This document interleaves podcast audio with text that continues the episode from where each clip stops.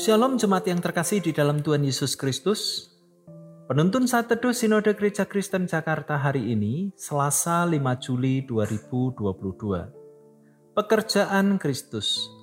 Injil Yohanes pasal yang ke-9 ayat yang ketiga berbunyi demikian. Jawab Yesus, bukan dia dan bukan juga orang tuanya, tetapi karena pekerjaan-pekerjaan Allah harus dinyatakan di dalam dia.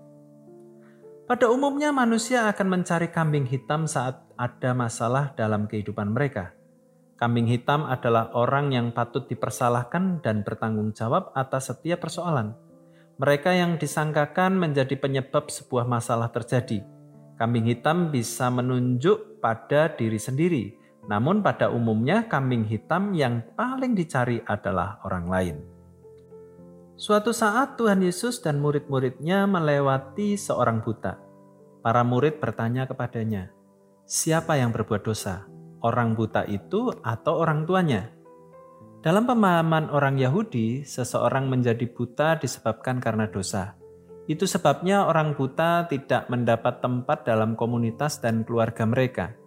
Mereka adalah orang-orang yang dianggap sampah masyarakat, terpinggirkan, dan terbuang. Orang buta itu sendiri menjadi pengemis. Tuhan Yesus memberikan sebuah jawaban yang mengejutkan. Bukan dia dan bukan juga orang tuanya, tetapi supaya pekerjaan-pekerjaan Allah harus dinyatakan. Terjemahan lain mengatakan, dia buta bukan karena dosanya sendiri atau dosa orang tuanya, tetapi supaya orang bisa melihat kuasa Allah bekerja di dalam dirinya.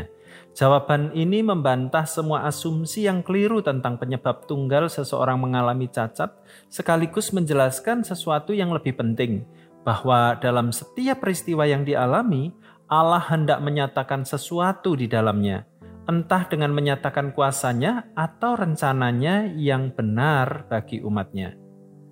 Mengenal penyebab masalah itu penting, namun yang lebih penting adalah mengenal tujuan dan maksud dari sebuah persoalan terjadi.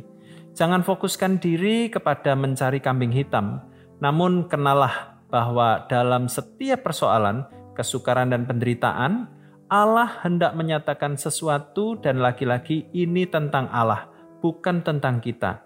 Kiranya dalam setiap pergumulan dan penderitaan yang kita alami, entah itu penyakit, kehilangan, persoalan keluarga, atau atau apa pun pekerjaan Allah dapat dinyatakan dan Kristus dimuliakan.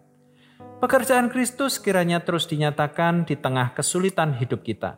Selamat beraktivitas, Tuhan Yesus memberkati.